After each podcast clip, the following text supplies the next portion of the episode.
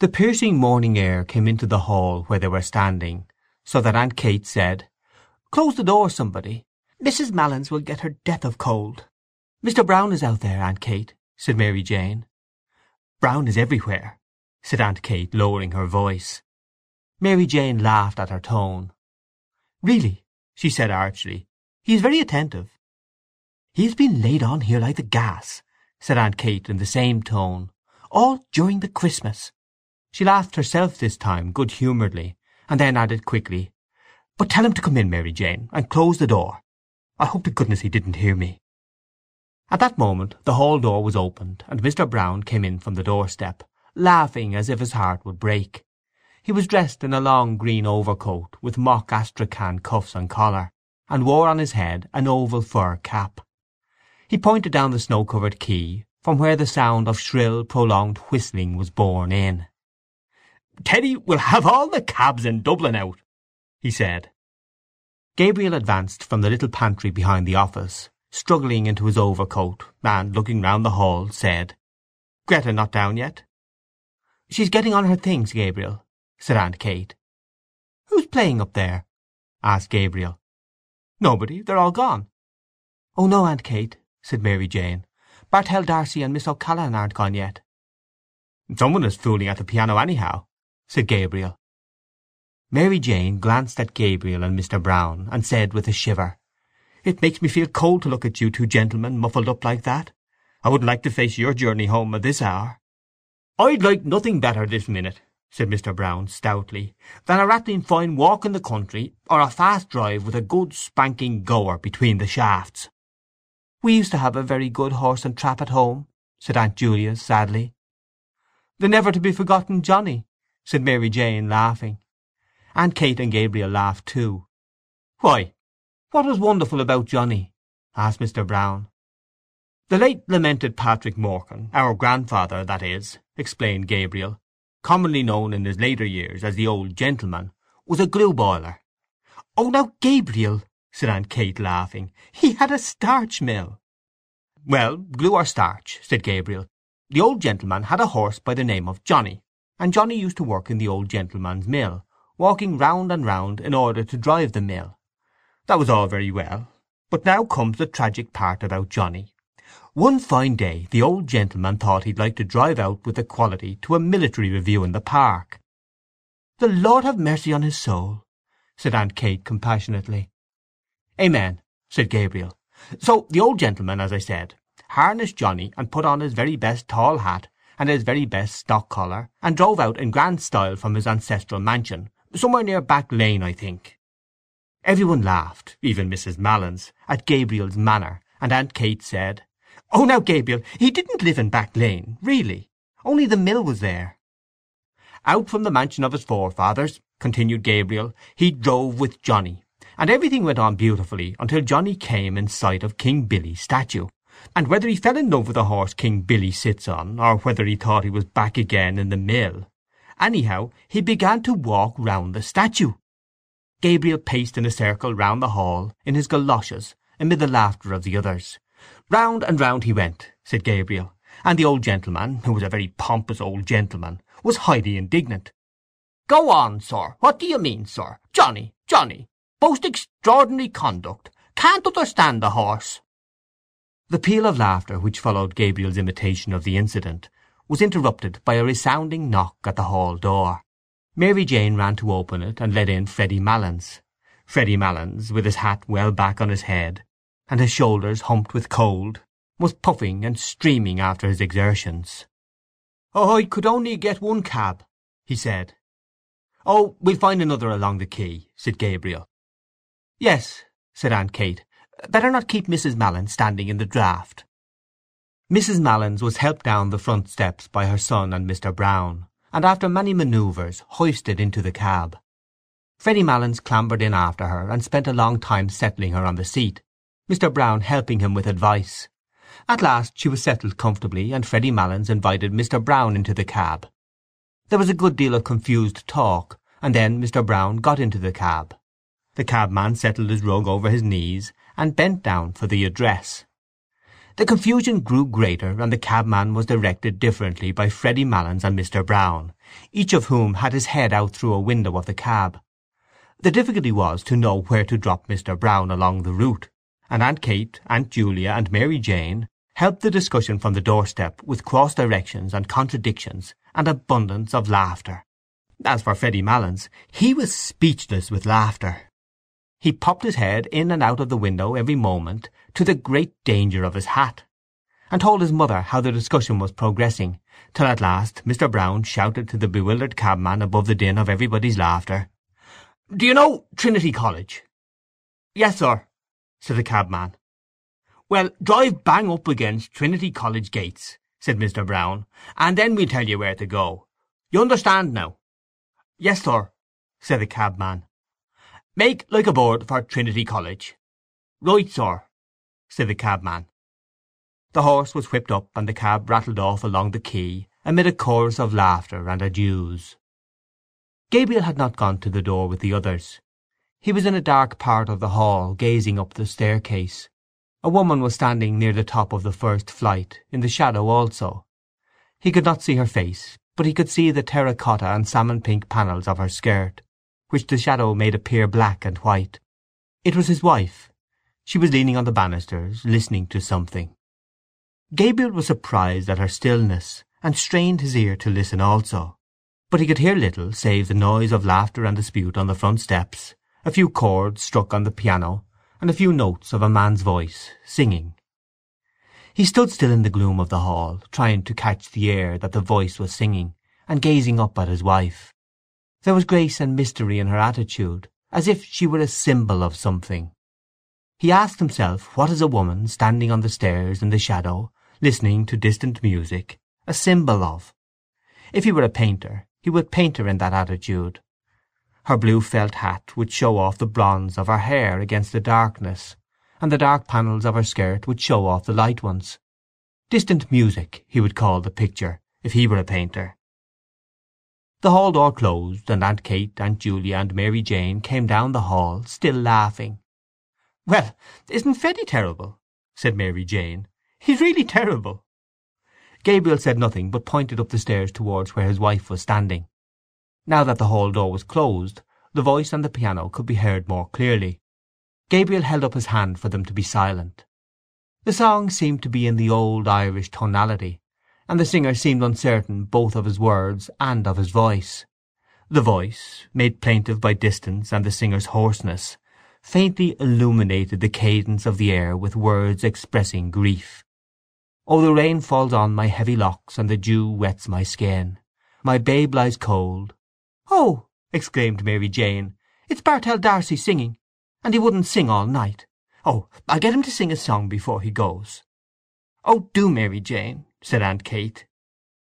Mary Jane brushed past the others and ran to the staircase, but before she reached it the singing stopped and the piano was closed abruptly. "Oh, what a pity!" she cried. "Is he coming down, Greta?" Gabriel heard his wife answer yes, and saw her come down towards them. A few steps behind her were Mr. Bartell D'Arcy and Miss O'Callaghan. "Oh, Mr. D'Arcy," cried Mary Jane, "it's downright mean of you to break off like that when we were all in raptures listening to you." "I have been at him all the evening," said Miss O'Callaghan, "and Mrs. Conroy too, and he told us he had a dreadful cold and couldn't sing." "Oh, Mr. D'Arcy," said Aunt Kate, "now that was a great fib to tell." "Can't you see that I'm as hoarse as a crow?" said Mr. D'Arcy roughly. He went into the pantry hastily and put on his overcoat. The others, taken aback by his rude speech, could find nothing to say. Aunt Kate wrinkled her brows and made signs to the others to drop the subject. Mr. D'Arcy stood swathing his neck carefully, and frowning. "It's the weather," said Aunt Julia after a pause.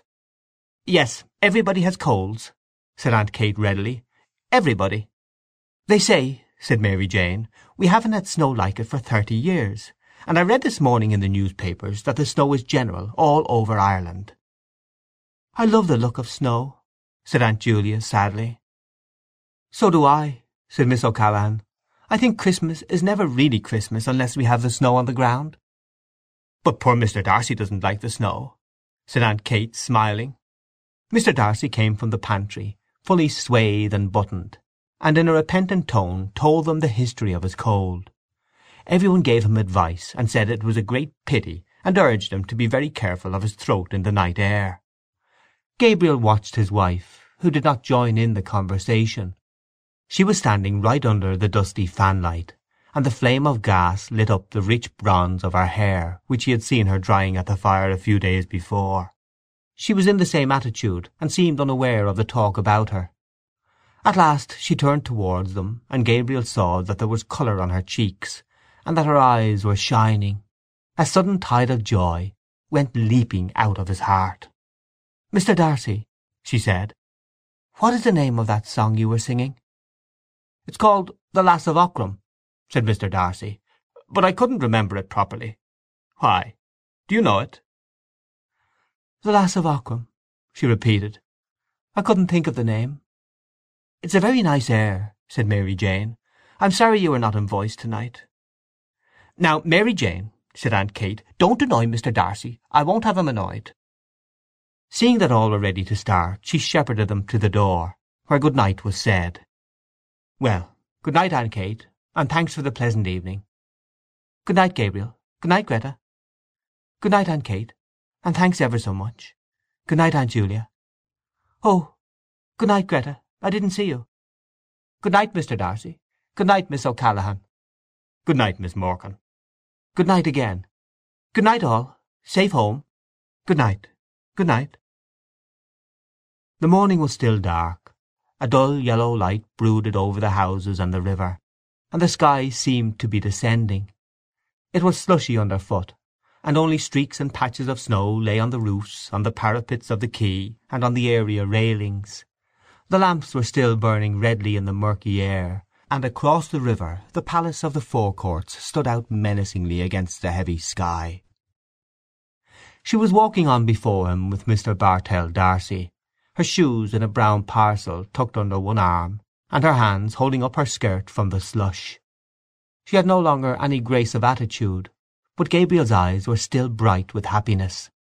The blood went bounding along his veins, and the thoughts went rioting through his brain, proud, joyful, tender, valorous.